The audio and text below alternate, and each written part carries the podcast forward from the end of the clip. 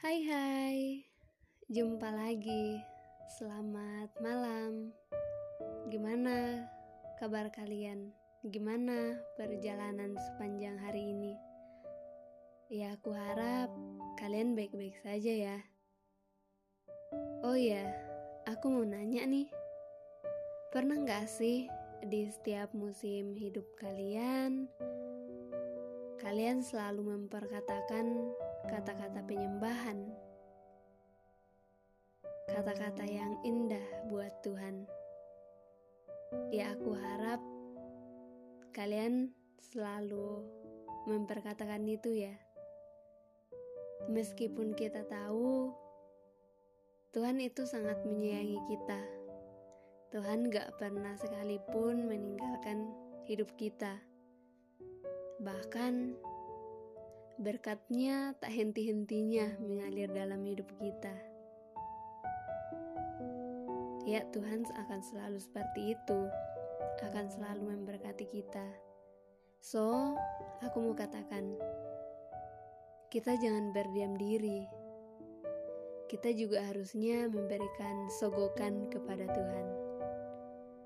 Mulai dari sikap hati kita, misalnya saat bangun pagi, kita memperkatakan kata-kata penyembahan, memuliakan Tuhan, mengucapkan kata-kata cinta untuknya. Aku yakin deh, kita akan menjadi manusia-manusia, orang-orang yang akan sangat dicintainya. Walaupun emang kita udah menjadi anak kesayangannya, tapi kita harus memberikan dong yang terbaik buat bapak kita. Pernah nggak sih kalian di perjalanan keseharian kalian,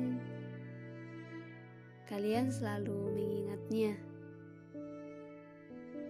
Kalian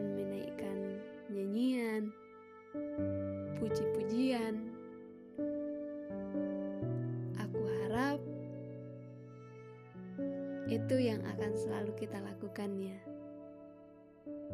Yang aku mau ingatkan, jangan berhenti kita untuk terus menyenangkan hati Tuhan.